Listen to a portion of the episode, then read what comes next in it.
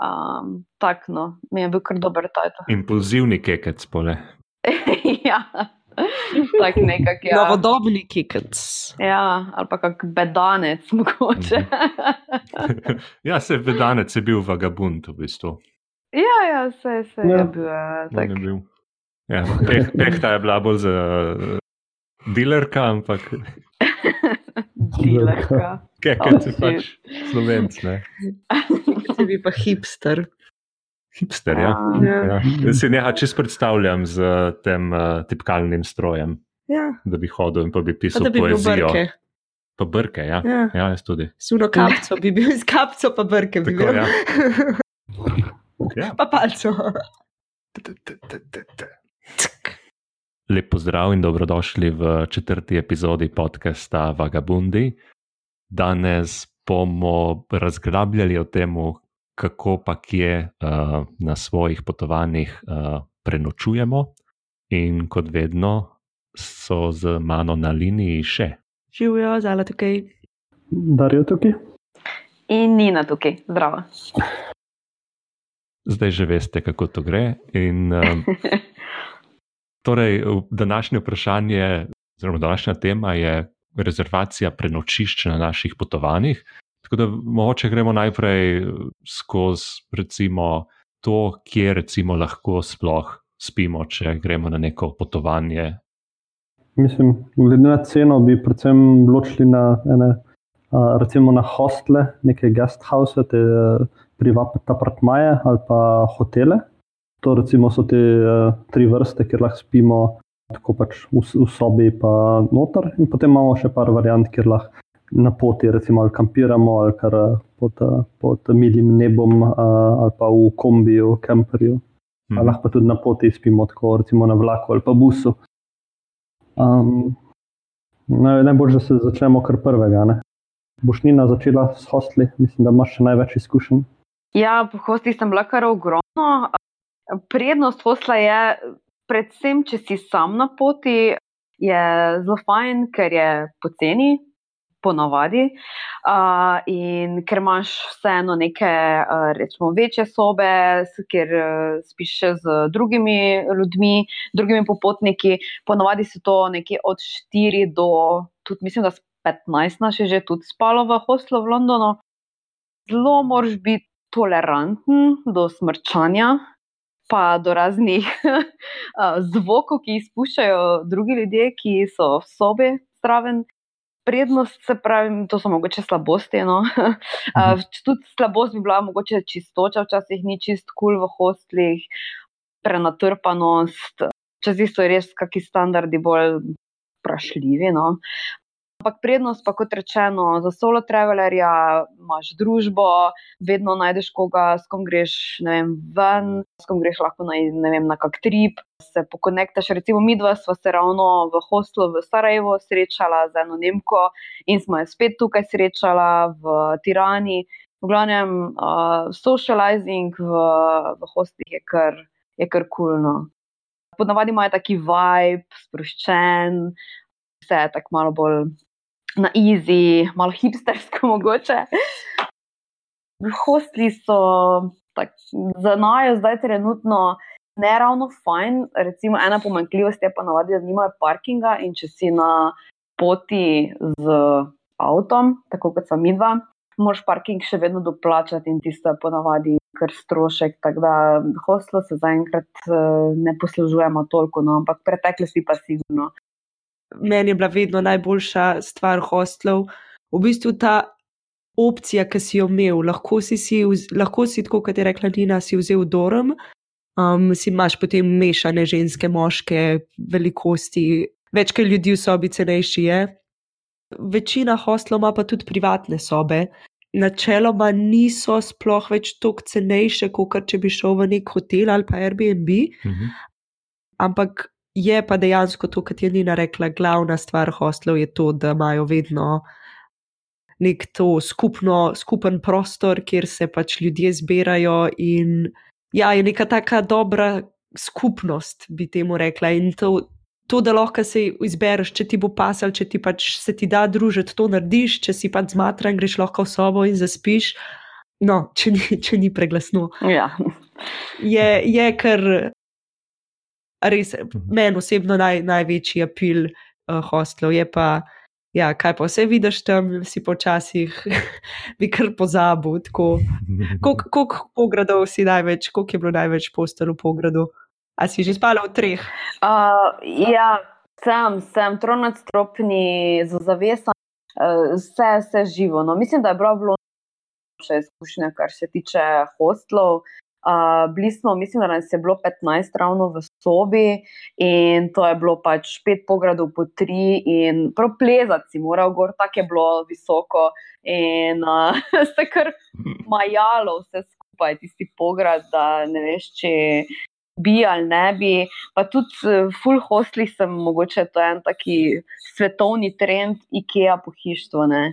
In tisti pogradi iz IKEA so včasih res zelo majavi in kako premakneš tam prst, se čuti vse in uh, sliši. In, ja, ni včasih ne bolj. Ampak se mi zdi, ko si res na budžetu, pa tako si toleranten do vsega tega, in tako zaspiš, utrujen si, vseeno ti je.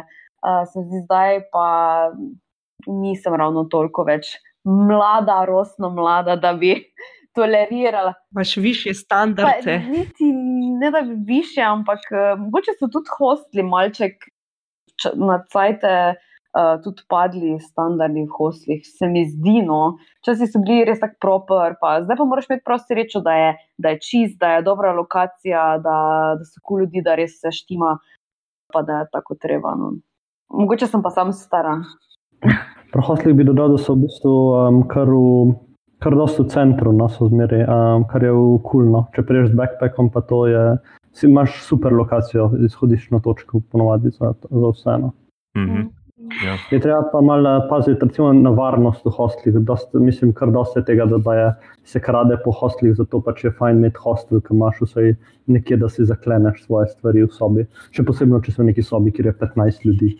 Pač, mm. ko, ko si v štirih, je že nekako malo bolj več privatnosti pa tega ampak v velikih sobih je treba pa imeti eno ključavnico sabo za, za to umaro, pa take stvari. Mm -hmm. Pa še ena prednost uh, hostel se mi zdi, da imajo free walking ture. Uh, organizirane, ali pa te napotijo kam, ali pa uh, kakšne izlete nudijo, uh, malo po malo bolj pogodnih cenah, mogoče. In včasih se kar najdeš družbo, pa greš kam. In to je, se, to je ta del socializinga, no se mi zdi ravno, ko smo govorili. Tako je.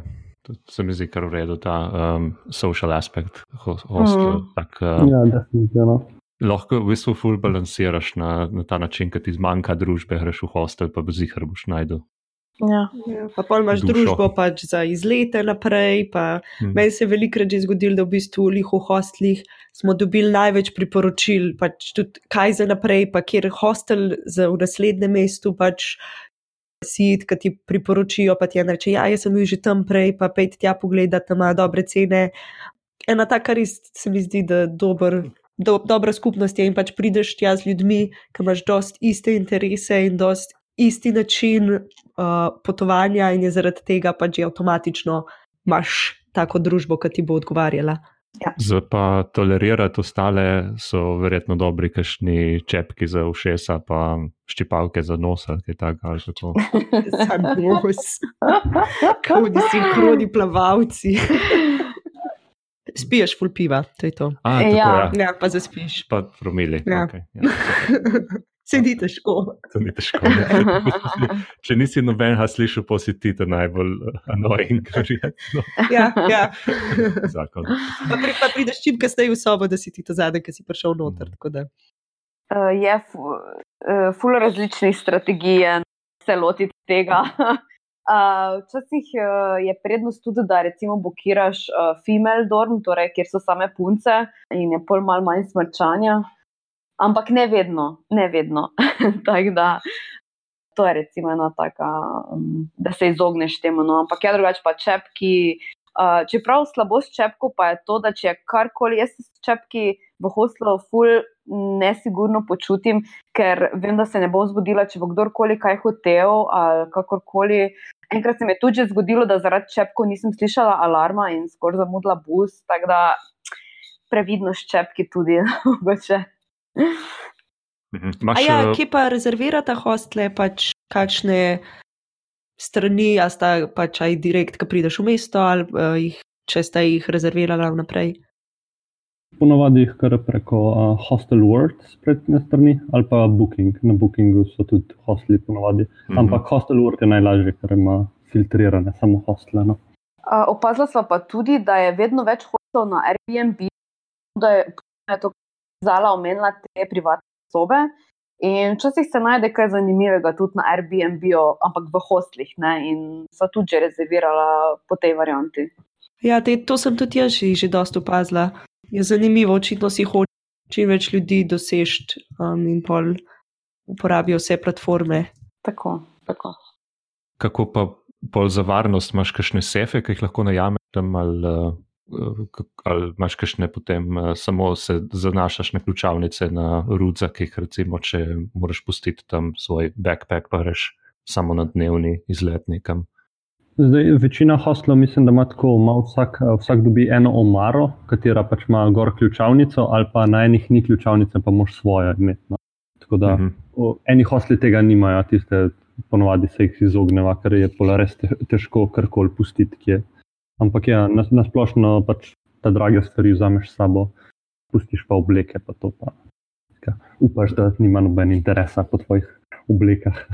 Tako je. Ja. Čeprav jaz do zdaj pač moram potrkati, kar sem bila okoli, nisem imela nikoli nobenih problemov, ampak ja, previdnost ni nikoli odveč, Ja, mi dva tudi nismo imela, mislim, da nobenih problemov. Že, tako da. kar je, kar je dober.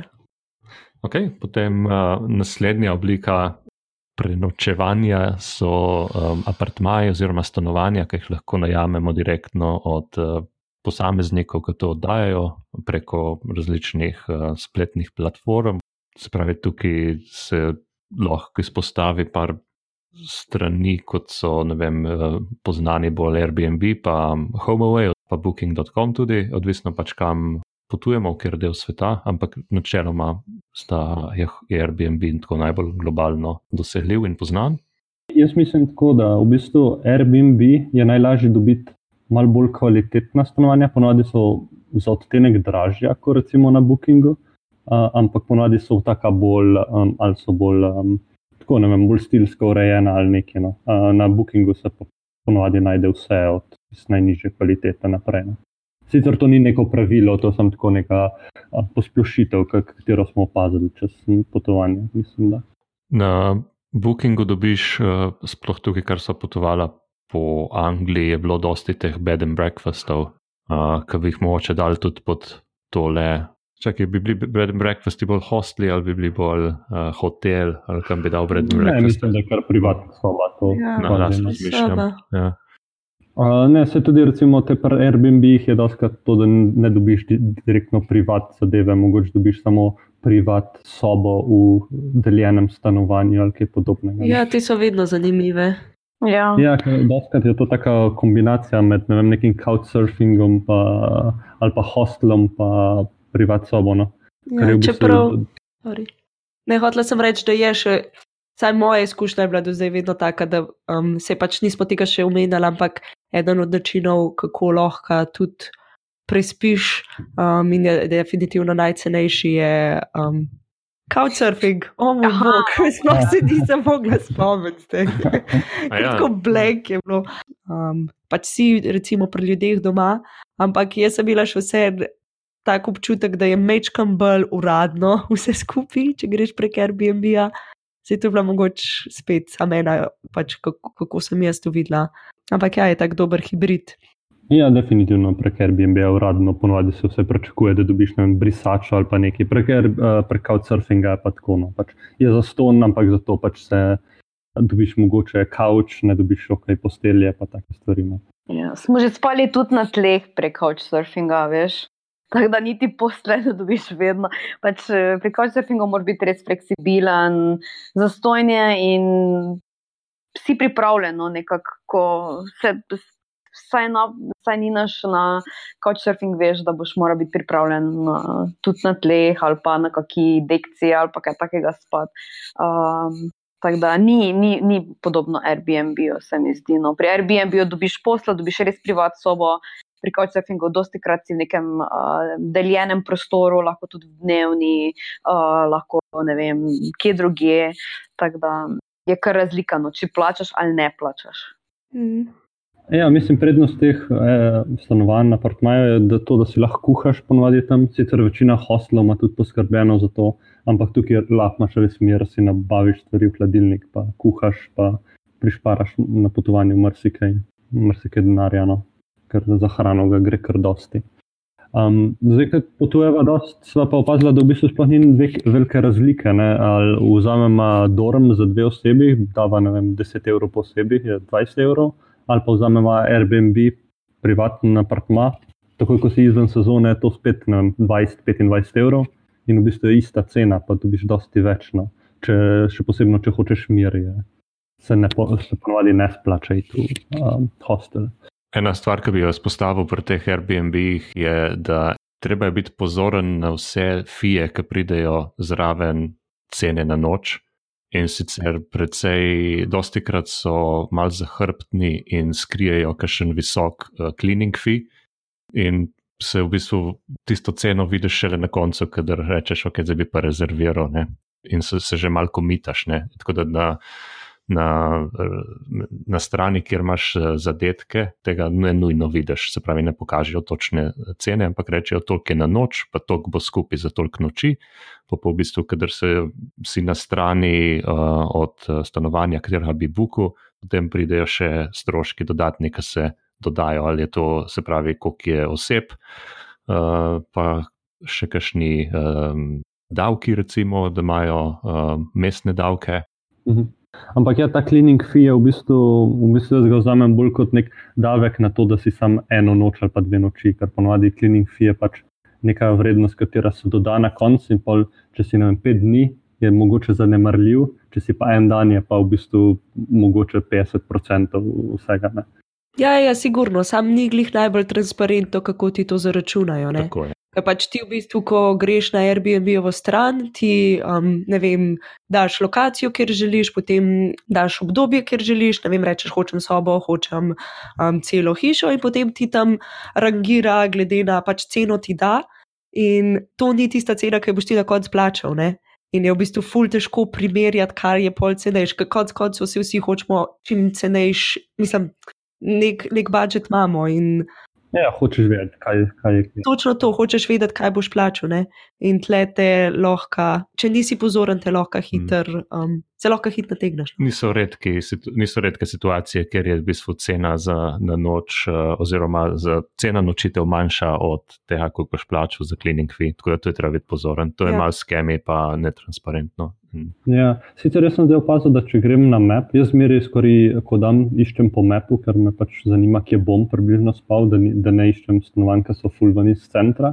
Ampak je, na, na mapi pa piše točno, z vsemi screening fijom, pa vsemi taksami na koncu pravilno ceno. Kar je fulj zanimivo, da na dveh različnih pogledih kažejo čisto različno ceno. No. Pač, kar imam jaz izkušen, ponavadi to malo AB testirajo, pa vidijo, kakšna konverzija je boljša. Aha, ja, definitivno. Uh, rekel si, da ste imeli neke slabe izkušnje, lahko poveš, kako je šlo, mislim, ta proces skozi. Potem. Ok, tako bom rekel. E, e določeni Airbnb ponudniki so profesionalni, se v bistvu full-time ukvarjajo s tem, da oddajajo in urejajo stanovanja za druge. Pač to je e, posel, v katerem tudi pač day-to-day -day delam, se pravi, imam službo in pač vidim, da se trudijo biti nadomestek za hotele. In to je vse lepo in prav, ponovadi je malo cenejše in dobiš dosti za ta denar, ampak problem nastane potem, ko gre nekaj narobe. Um, in sicer, če gre nekaj narobe v hotelu, greš dol na recepcijo in se pač začneš pogajati o tem, kako bo kaj. Um, Ti dajo novo sobo, kako koli pač se ja, uredi. Nekaj pač nisi zadovoljen in vprašaš, kako se da kaj urediti pri Airbnb-u lahko pač provaš rešiti z uh, tem, ki ti to oddaja. Zdaj, če on meni, da to ni problem, potem pač imaš še opcijo, da kontaktiraš Airbnb. In to pa ni tol uh, spodaj v uh, pritličju, ampak je nekje na telefonu v eni drugi državi. In to je cel proces. Uh, pač traja nekaj časa. Tako da, če se tega ne lotiš precej hitro in v stanovanju, v katerem si trenutno ne moreš nadaljevati živeti, si pač mogoče malo v škripcih lahko tam. No, tako bom rekel. Zdaj, če pridem konkretno do izkušnje slabe, ponavadi je to bolj izjema. Problem je pač, takrat, ko je bilo slabo, je bilo uh, pač, tako fulje smešno, ampak je bilo v Ljubljani. Potovala smo večino te zahodne Evrope po um, Airbnb-jem in niti ene slabe izkušnje, potem pa prvo smo imeli, ko smo gostila prijatelje iz Romunije v Ljubljani in smo najeli eno, eno stanovanje za Bežigradom. In bilo je, ja, ko bi rekel, na prvi, način, na prvi pogled je izgledalo vse v redu. Pač, ko smo gledali uh, slike, pa brali komentarje, se nič ni zdelo slabo uh, na robe za stanovanjem, ampak potem, ko smo pa v stanovanju prenočili eno noč, nam je bilo vsem jasno, da nočemo več tam noter biti. Pač šlo je na robe vse živo. Od tega, da smo imeli pač neke terolete, smo hoteli odpreti uh, da bi pač prišla svetloba noter, cuf se strga in pač pade v nodol, ki je bilo že vse preparil ti štrikac. So bili tako, ok, v redu, dobro, pridemo k kolega, ki sta spala v sobi, je bila luč nad postlo, tako zmajana, da se je dejansko držala na eni žici še gor. Pač po, luč, mislim, luster je pa bil nad njuno postlo. Pol je celo noč iz kotlička tekla voda da pač te dva kolega skoraj pač nista mogla spati, kaj še bilo. Ja, potem smo prišli zvečer iz mesta domov, pridemo v hodnik, jaz hočem pržgati luč za na hodniku in me strese elektrika, ker je eden vzel pokrovček dol iz luči, pač iz tega stikala. Uh, rjuhe so bile strgane. Mislim, da je bilo dovolj. Tako, res, tukaj je bilo stvari narobe, da pač Ja, če bi šla kaut surfati v redu, preživim. Če pa sem jaz to za to neki plačala, je bilo pa tako ne. Boljš bi bilo, če bi šla kaut surfati, zato ker dejansko ljudje živijo tam, kar ti bo dali kaut, verjetno. Ja. Sklepam. Ja. Res, ja. tako vse se je nakopičil. ja, ful slabo. Pač bilo je stanovanje, pač, uh, v katerem je živel nek starejši gospod in po njegovi smrti so rekli, ah, lahko dajemo long-term študentom, oziroma bomo pač provali dati na Airbnb, to je tako si zdaj ful služijo. In brez datnotar cenka, uh, pač se tudi ven ne bo dobilo kaj dosti, pač to je še zmeraj stroj to in rabeš pač vzdrževati uh, stanovanje, da ga lahko oddajaš. Ne. Torej, ko ste imeli te probleme, se je ta poluh se hitro uredilo, kako je šel ta postopek?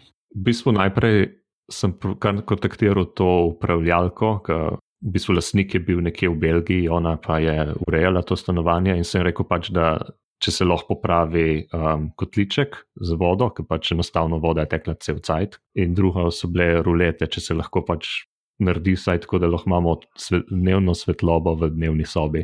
Uh, in je pač rekel, pač najprej, ko naj, prvo, ko prvo je bila zelo odzivna, dokler nismo prišli do problemov. To je kar ponavadi uh, pattern. Drugo, kot drugo, pač je rekla, da se to ne bo zgodilo, ampak da, da je to povedala, je trajalo, pravi, bila ura cirka 12, oziroma. Uh, in pač potem sem čakal še, uh, še kakšno uro ali pa dve, in potem sem pač klical na Airbnb in sem rekel, to je, to je problem. Ne? In um, zadeva se pač ne reši tako hitro. Tako da mi smo v bistvu ostali brez prenočišča.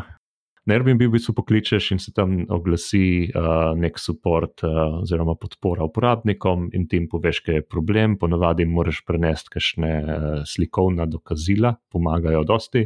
Oni bojo rekli, da to razumejo in bojo kontaktirali pač uh, tega lasnika oziroma tega, ki oddaja in bojo provali pač ga mal stisniti v kot, da ne popusti in ne naredi. Ampak v tem primeru sem rekel, da naj nam dajo, ker če je možnost, uh, kakšno drugo stanovanje. Oziroma, tako on je rekel potem, ja, bom v bistvu jaz se zdaj pozanimal. Ne? In v bistvu, kar on naredi, je gre pogledat uh, isto, kar, kar narediš ti, gre na pač Airbnb in prova najti stanovanje, ki je nekako podobno temu, kar ti imaš. In to je trajalo ne dve uri, tako da je bila ura že eh, cirka šesta zvečer, ko so nam pač rekli, da to so, to so stanovanja, katere lahko bukiraš. ni, ni, ni very good, sploh če nisi v Ljubljani, tako bom rekel. Če si v Ljubljani, pa imaš neke frende ali pa družino blizu, se lahko nekako poštukaš in narediš en couchsurfing doma. Um, če si pa v nekem tretjem mestu in se ti to tako pozno zgodi, um, pač moraš reči, da okay, bom si najdel en hotel oziroma nekaj drugega za te dni in bom to urejal potem. uh, v paralel, paralelno s tem, kar se mi dogaja. Ne moreš v bistvu sam to čakati, Airbnb je. Ja, ne mom, moraš rešiti problem in pol pač se ukvarjati s tem podportom naprej. A, a, absolutno, nekako, ja, ja, ja. Ni, ni staviti, da bo ta suprešil. ne. E, Eno je to, kaj si ti predstavljaš, eh, da bi se mohlo zgoditi, ko jih pokličeš, drugo je, njim se s tem ne da ukvarjati in pač oni bi radi pobrali njihov fi in uh, imeli zadovoljne uh, reviewje. ne. Tako da ja, sej. Ja, ta, pač, res je bilo en kup sitnosti, pa v bistvu cel dan smo se pol s tem ukvarjali. Ne. Se pač, tle je bila mogoče ena stvar, da smo imeli mi namen tam ostati štiri noči. Um, in če bi bil to nek prehoden, prehodna zadeva, ja, v redu, tisto noč bi prespali, naslednji dan gremo naprej. Ko smo pa imeli namen nekaj časa tam ostati. Ne? In pol je bilo, ali zdaj bomo slabe volje tle, in da bo šlo vse na živce, ali pa pač rešimo ta problem. Mi smo se pač odločili za drugo varianto. Lahko pa poveva, pač, da v bistvu potem smo dobili stanovanje, sicer eno noč smo imeli pač ta luksus, da, smo, bili- da so bila midva na domačem terenu, drugače bi pač ostali tam noter, se ne bi imeli drugega. So pa potem sva spremljala in so to stanovanje vzeli Mhm. dol iz um, ponudbe, se pravi, ga ni več gor. Tako da je, bil, je bila neka reakcija, samo v tistem momentu, ki pa ti rabiš ni, njihovo največjo odzivnost, je pa nekako mi dva nisva dobila, mi jih nis, nismo dobili. No. Hm, Dobro slišati neko, neko drugo izkušnjo. No. Tudi mi dva nisva dejansko največ spiva v Airbnb, pa nisva imela še enega problema za resno. Ja. Mislim, sej, zdaj smo, se mi zdi, da kar se Airbnb-ja tiče, zdaj res ful slabih stvari povedali, ker se mi zdi, da je veliko dobrih, Mhm. večina dobrih, no, glede na to, da vsi to uporabljamo, ampak je pa še vse ni, ni pa tako idealno, kot se mogoče Ja. zdi na prvi pogled. E, Airbnb je bil tukaj potem fair in je priznal svojo napako in nam dal en voucher za A, naslednji točno. booking. Tudi, Aha, kar se mi je zdelo fair, zaradi tega, ker pač so dejansko sprejeli to kot neko napako v njihovem sistemu, kako zagotavljajo določeno kakovost svojega inventorja. super. Je pa še vse en tak full gredek preukus. Ampak to je bila pa res dejansko edina slaba izkušnja. Se mi zdi, da vse ostalo, pa večino, zdaj mogoče zadnje 4-5 leta, 4-5 let sva prek Airbnb-ja, pa je bilo vse ok. Ja, Se še, mi zdi, da največ komplikacij je še s tem, da prideš v stanovanje, ko včasih ni glih najbolj razvidno, kje, kje so ključi. Pa moraš pol mogoče kontaktirati uh, lastnike ali upravljavce ali kakorkoli. Tam je ponavadi še največ une usklajevanja ali kakorkoli. če bi nekdo rekel, kaj si misliš o Airbnb-u, mislim, da ne bi rekla ful slabo, Ne, ampak bi ne, rekla, ne. ja, to je pa ful dobro, pa se da na ta način čist lepo prespati nekje.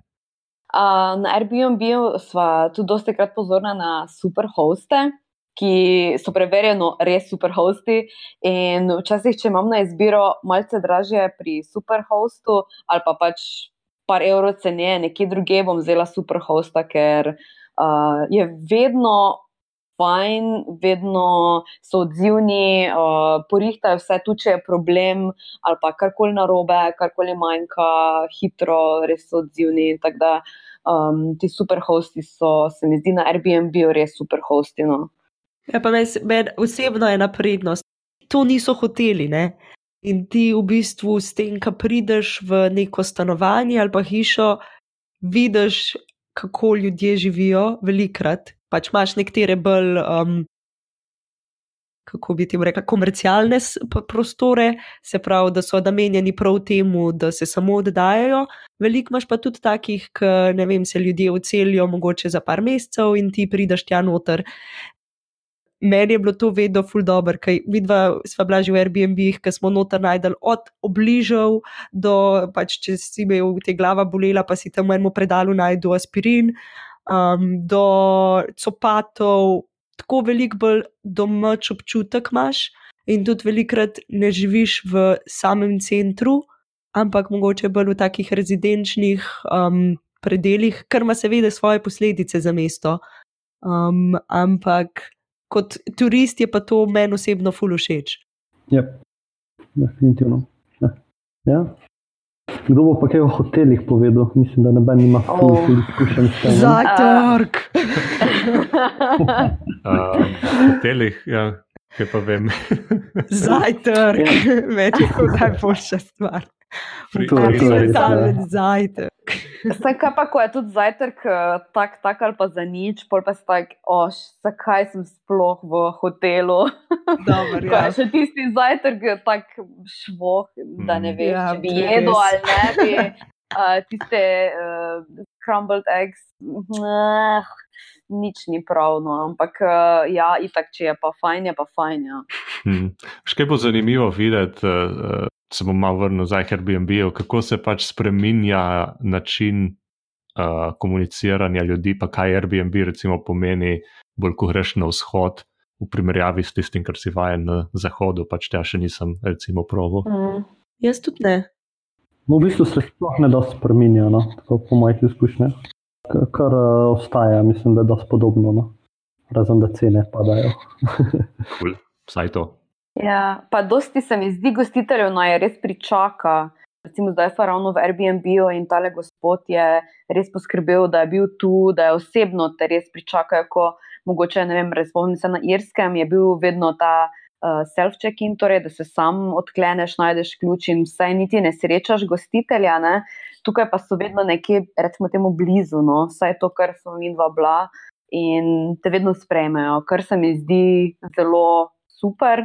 In bi bilo fajn, če bi bilo tega več na Airbnb-u, ker je neko zagotovilo in isti neki osebni kontakt, eh, lahko vprašaš stvari, hitro se, ne vem, samo dva stavka, pa je vse jasno, medtem ko tisto po prek eh, WhatsAppa ali Airbnb-a pa si pošiljaš isto sporočila in nikamor ne prideš.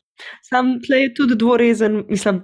Jaz sem imela že izkušnjo, ko smo tudi nas je gostiteljica pričakala in nas je dejansko, meni je bilo ful grozen, ampak ona nas je dve uri čakala tam pred stanovanjem, mi smo se pa pelali čez en del, ker jaz nisem imela interneta in ji nisem mogla sporočiti, da sicer smo na poti, ampak bomo pozni. In pozni spet tle, a, a, a, jaz sem tja prišla, meni je bilo tako, tako neroden, pa sem se ji ful upravičvala. Sem, pač dejansko ni bilo nič, kar bi lahko naredili v tisti situaciji. Ne. Če, si, pol, če se vrneš k klasičnemu hotelu, ne, imaš tam pač recepcijo, ki so zaposleni tam in so tam zato, da te sprejmejo, kadarkoli pač prideš. Se ona tudi, ampak Ja, ona tudi. malo ja. bolj krivo se ja, čuti. v bistvu res, ja.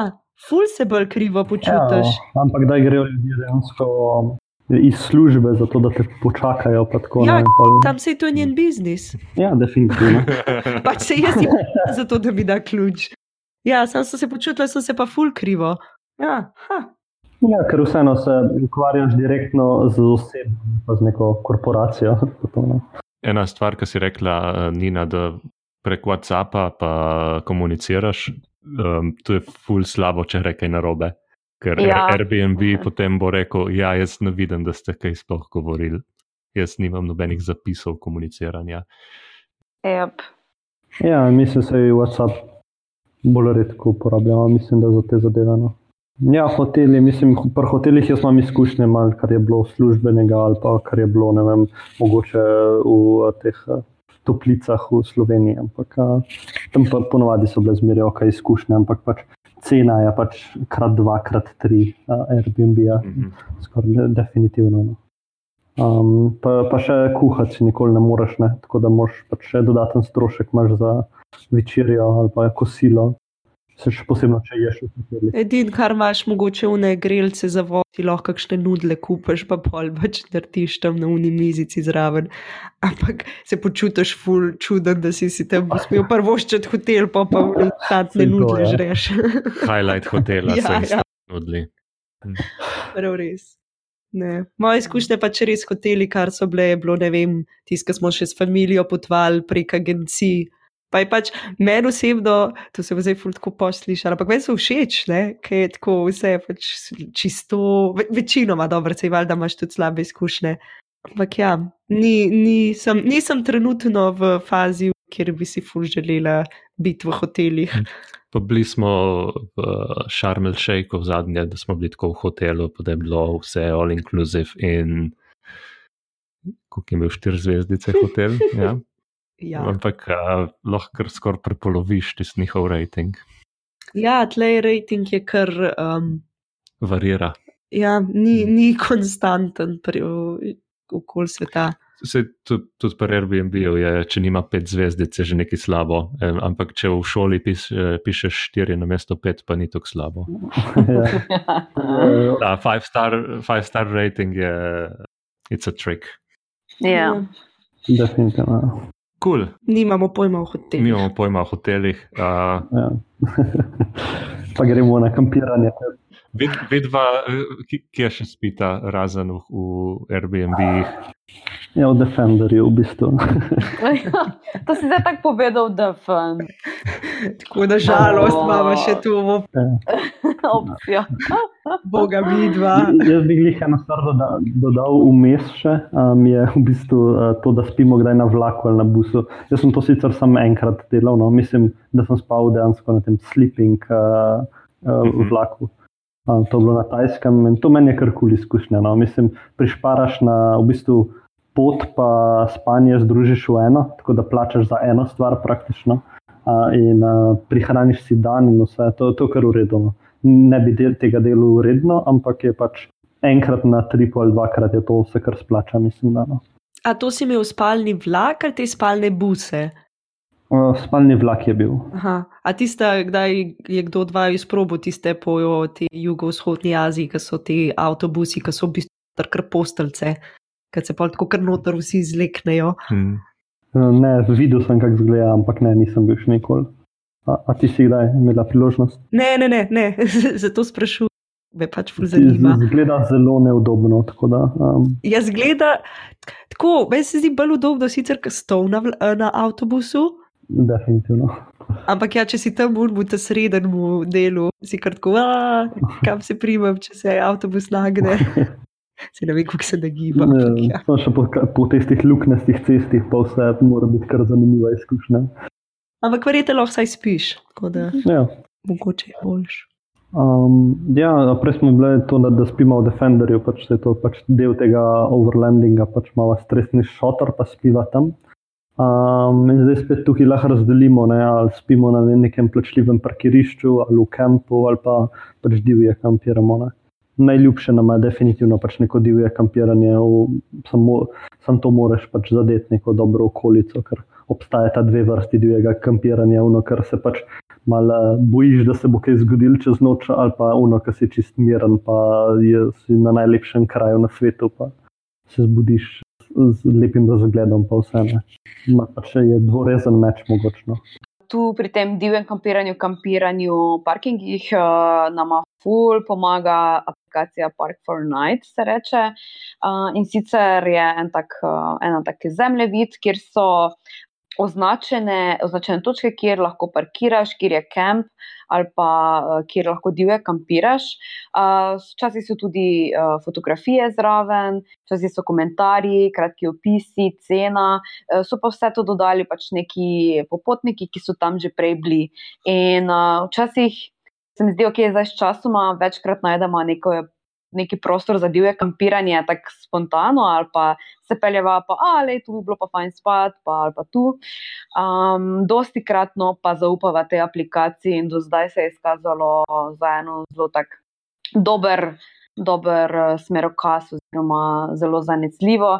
Tudi mi dva pridno dodava kakšne točke, kar nam je bilo všeč, komentarje dodava, slike, uh, ker je to nekako tak skupnost, eh, v bistvu uh, poganja to aplikacijo in če dobiva nekaj dobrega od tega, tudi dava nazaj, zato da bojo pač za namci, rečemo temu, uh, tudi lahko se imeli fajn na teh istih točkah. Sliši se ful dobro. Ja, ja. sliši se odlično. Mm. Je to uh, lokalno za, ali je to svetovna aplikacija? Pač?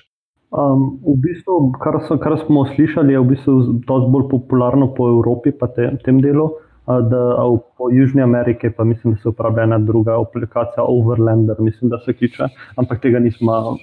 iOverlander se reče tam in je en tak skupek informacij za vsako državo, pa tudi ti kampi. So, ne vem sicer, kako točno zgleda, bo treba provat, verjetno.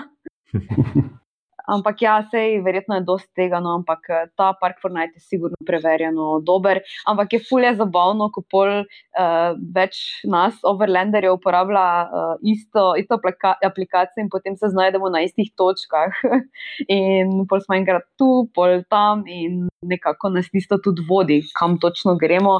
In pol se srečamo na enem koncu države, pa spet na drugem koncu države, ker pač imamo vsi isti app. Mhm, cool, cool.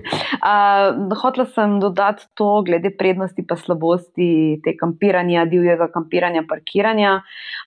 Pač prednost je to, da je mogoče ceneje, čeprav ne vedno, recimo divje kampiranje, parkiranje zna biti ceneje, uh, kempi so pa kar dragi, se nam zdi, vse včasih moraš prav pogledati, kakšna je cena, ker imaš ceno za osebo, pa še za vozilo in če si kar nanese in si že pol tudi v kakem Airbnb-u lahko za tisto ceno. Uh, tako da cenovna prednost je potem naravi.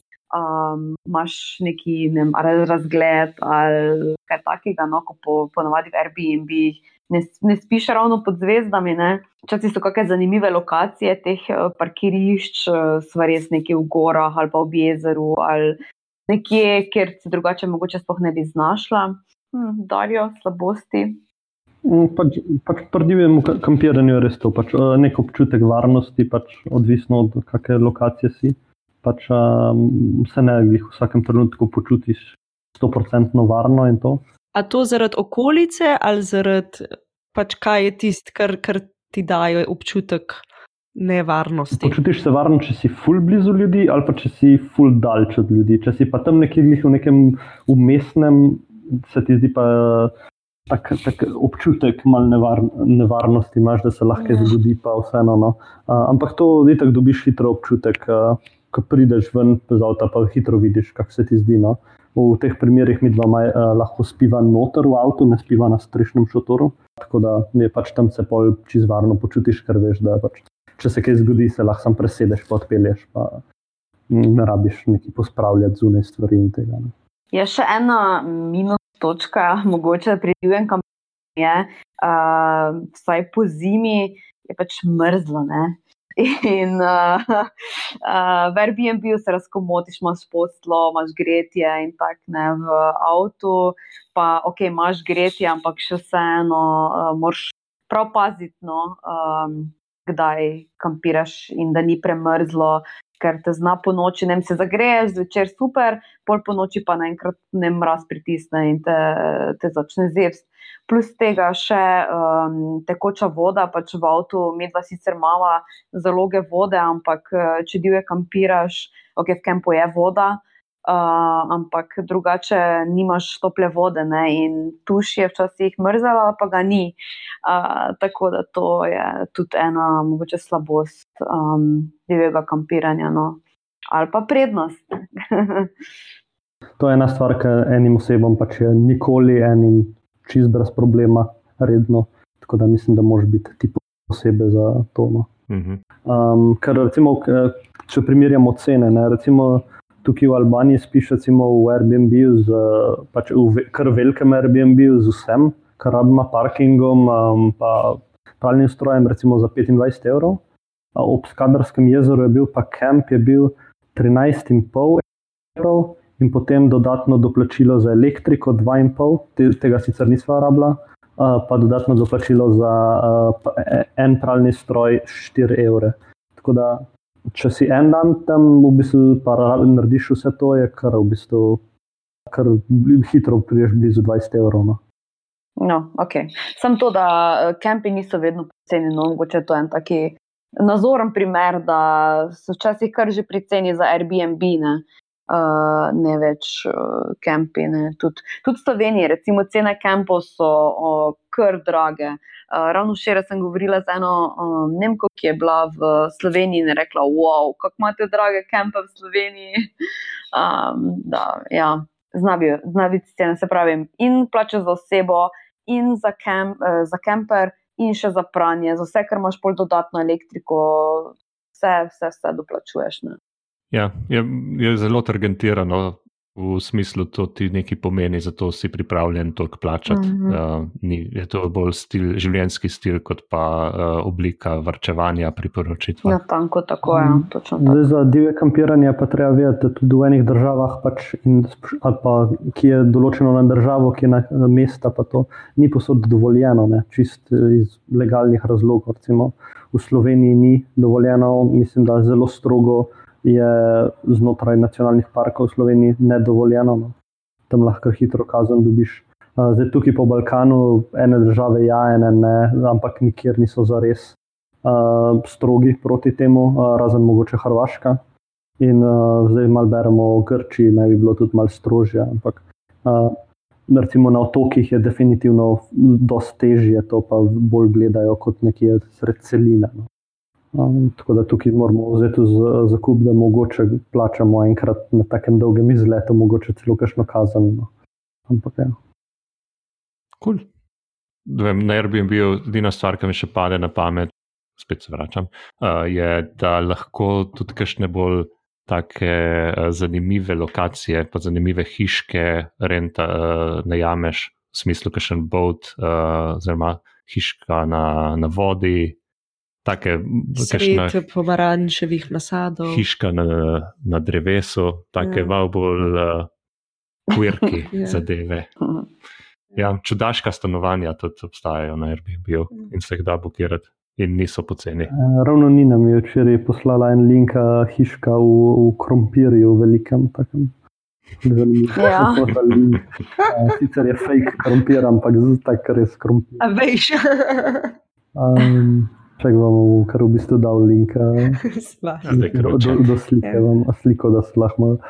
Uh, ampak tako čisto trgano, ne? v, v nečem takem biti. Ne? A couchsurfing, ne vem, se misli, kot je to. ne vem, kje je, ampak noter je pa ful dobro zrihten. Bom, bom, bom. Ja, ful je dober, ja. Ampak je ok, da krumpir. Ne vem, mislim, da ne. je logično bi bilo, da jih nima. Uni, ljubitelji pražega krompirja bi lahko šli sem na finski zlet. Točno.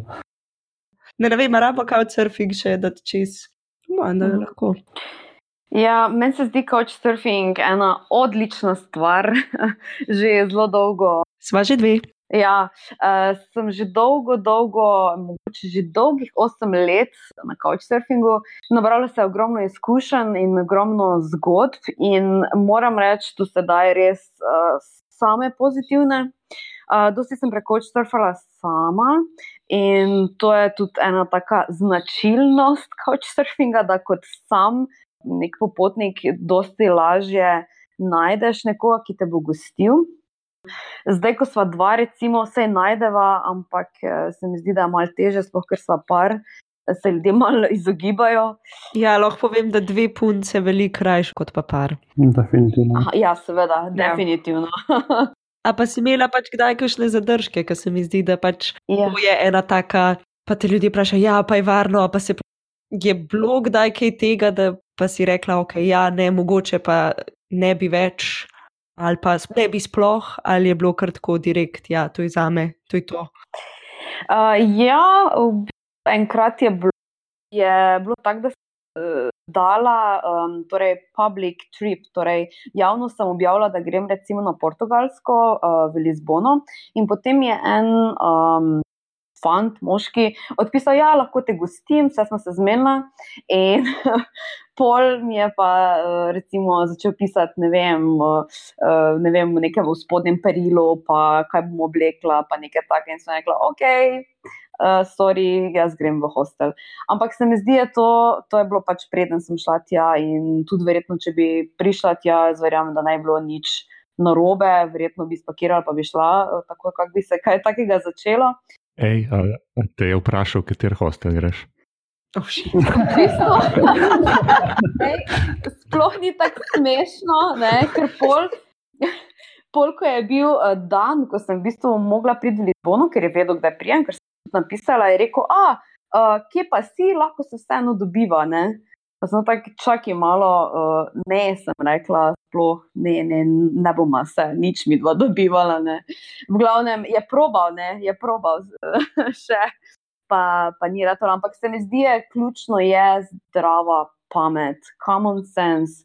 Torej, če vidiš, da nekaj ni ok, če ti nekaj tebi noter reče, ups, to pa nekaj ne uvrejo, ne, rajši ne, pač ni vredna tista brezplačna nastanitev, ne, ki jo dobiš, tvega z zdravja ali pa življenja, jo bo ne. Ne.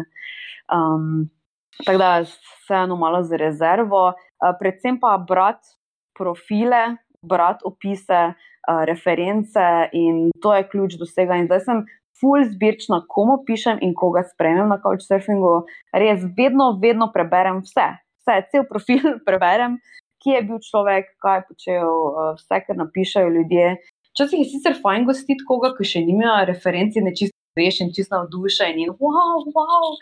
Um, včasih je pa zelo neprijetno, ki še nima referenci, ne pozna tega uh, sistema, ne, torej couchsurfinga gostiti tisto tudi ni fajn. No. Ampak ja, to, mislim, to je bila zdaj ena slaba izkušnja, ali pa sploh ni prišlo do slabe izkušnje, pa samo v komunikaciji, še hvala Bogu. Ne. Ampak bilo pa je, ne vem, ogromno, ogromno, ne mogoče to. Eh, super izkušenj, zanimivih ljudi, uh, dogodivščin, uh, zabav, uh, izletov, v glavnem, ogromno, ogromno, tudi prijateljstev. No. Um, z nekimi ljudmi sem še danes na vezi uh, in se slišimo in si pišemo. In tak, no. Meni je eh, zelo dosti dalo, no, več dal kot surfing, kot vzel, rečemo temu. Se pravi, lahko sklepamo, da ti je couchsurfing kar malo všeč. Zelo, zelo všeč mi je. Ja. uh, pač niti, da, tudi pri couchsurfingu dosti krat ne gre samo za tisto učitev, ampak gre za spoznavanje ljudi, učenje, uh, vem, od jezika do življenjskih izkušenj, vsega si deliš. In, um, enkrat, ko si v templu, pa greš ne vem, v nek hotel, pa ti tam malo dolgce, pa gledaš to, ne vem, kabelsko televizijo. Ampak, no, še eno fajn stvar pri couchsurfingu je ta uh, couchsurfing hangouts. Torej, tudi če si nekje druge nastanje, ne vem, v hotelu, Airbnb, lahko ti um, potem torej, eh, v tej aplikaciji najdeš ljudi, popotnike, ki so blizu. In jim napišeš, ne vem, bi šel na pivo, bi šel board game, igrati na mizene igre ali karkoli, ali pa tudi na izlet. In se hitro zmeniš za, za kaj početi. Recimo, to smo prakticirali v Prištini, pa v Berlinu, pa kjer so, ne vem, ti torej skupnosti, kot surfing, malo bolj močne, je res fajn. No. Ja, jaz sem imela ogromno teh izkušenj, ko v bistvu smo pač pisali ljudem. In se nam je ne parkrat zgodilo, da je bilo tako, ja, le pač, sorry, gostitve ne morem. Ampak lahko se pa dobimo, pa vas pelem po mestu. Vas... To je bilo še preden so imeli ta hangout varianto. Uh mhm. -huh. Jaz um, sem full uporabljala couchsurfing, zdaj zadnjih par let nisem tok. Um, in takrat tega še ni bilo, ampak izkušen s tem, da si se pa dobil samo čez dan, pa so te pač pelali tam okrog, je bilo pa ogromen in ja, ful dobro zadeva, res. Uh, še ena stvar glede couchsurfinga. Uh, couchsurfing events, torej dogodki, ki jih uh, neke lokalne skupnosti v nekem kraju organizirajo. In ti, kot popotnik, pogledaš tiste, recimo, evente, dogodke, ki se dogajajo, in se pridružiš, veš, kje bo, kdaj bo, in pač ker greš tja. In ponovadi so super ljudi. Recimo, jaz sem tako šla v Berlinu na en pohod. In je bilo super, cel dan smo hodili, smo se imeli fajn, uh, dosti ljudi sem spoznala. In recimo, to je samo ena taka uh, zadeva. Tudi v Ljubljani so, recimo, vsak teden, mislim, da tudi v Mariboru so bili uh, sloveniji ti mitingi. In uh, polno nastane kar tako ena družba, ki se vse čas dobiva, In uh, ja, no, tudi, tudi to uh, je zelo za priporočiti. No. Kako si rekel, da se kliče? Uh, Couchsurfing events. Aha, okay. ja. Torej, v tem tistem iskalniku na Couchsurfingu lahko ti zbiraš, ali iščeš gostitelja, ali iščeš dogodke, ali iščeš vem, osebe, ali karkoli iščeš, in daš pač tam events. In recimo v Berlinu, kjer je ta Couchsurfing ful razširjen. Imáš, ne vem, na teden ne vem, deset dogodkov, v Ljubljani imaš pa recimo enega. Mhm. Um, tako da to je super uh, zadeva. Sam pač, kar se, se hotla sam še dodati, kar se vrčevanja tiče. Moja izkušnja je bila vedno, da pač si pršparil sicer na hotelu, ampak si pol ponavadi s temi hosti tokenih stvari počel, pa si šel na večerjo, pa na pijačo, pa uno drugo. Da, ko smo mi dve s prijateljem naredili poračun, so v bistvu ugotovili, da nismo prav veliko prešparali, um, da smo v bistvu ful več zapravili za vse te neke socialne stvari, ker je bilo še vse en tako. Pač, jaz sem imela saj vedno tak pristop, da pač oni me gostijo, potem gremo ven na večerjo ali pa jih pač peleš na pijačo yes. ali pa kaj takega. Pač je tako, je neka vzajemno, Vzajemnost. Um, vzajemnost ja. Ampak, a ja, je pa v bistvu ta izkušnja, ki jo pa dobiš, ki jo pa drugače ne bi nikoli, ne če bi bil v Airbnb, ne če si v hostlu. Um, ker pač v ho hostli so kul, cool, ampak v hostlu si v bistvu obkrožen turisti, se pravi s popotniki, z backpackerji, z istimi kot si ti, medtem ko, ko greš kaut surfat. Pa greš dejansko k lokalcem, greš k študentom, ki nimajo skoraj za pico, greš spat na, pre, ja, na tla, greš ne vem, ogromen enih takih čist odpiljenih situacij, ki se jih drugače ne bi nikoli imel šanso um, doživeti. Mož biti pa, po mojem, res, res tip za to, ker moš biti full od, odprt in uh, full fleksibilen. Ful, ful, ful, fleksibilen, da pač če grejo oni ven, moraš iti ti ven iz stanovanja, pač odvisen, kako ima zmenjen. Ampak če on dela, greš ti takrat ven, ko on dela in cel dan nimaš nikamor za id, ker je on v službi, Tako da jaz, moja izkušnja je bila vedno, da je bila kombinacija couchsurfinga pa hostlov, ker uh -huh. nisem nikoli bila tok, da bi, bila, da bi to um, recimo, delala cel čas iz večjih razlogov. Pač in zaradi tega, ker moraš se ful prilagajati in biti skozi z ljudmi, plus uh, tega, da ti vzame, sam nama je vedno ful časa iskati ljudi, pa iskati hoste. Ja. Kot si ti rekla, je pač treba, treba ful prebrati, si pogledati in pisati, včasih se odzovejo, včasih se ne. Um, in to gre ogromno enega časa za to. Ker si, po mojem, si ga je vredno vzeti, ampak ne da se ti pa vedno. Pri couchsurfingu moraš biti tudi pripravljen na to druženje. Ne? Včasih si od samega potovanja že toliko utrujen, da se Zelo ti ne res. da ali pa se ne moreš več družiti. To smo recimo lani v ZDA, ko smo res zelo dosti na poti, dosti bilo stvari in potem še se družiti in ti si že na pol uh, koma, on pa ti še kar govori, pa ti ne vem, kam bi te vse peljal, zdaj jo ne morem. Um, tako da, ja, no, moraš biti, se mi zdi, da če si sam na poti. To, se dosti bolj lahko posvetiš temu druženju, zdaj pol, pa če še imaš nekoga zraven, pa je res tempo, um, malo malo trši ali pa hitrejši, um, je pa včasih zmanjka energije no, za druženje.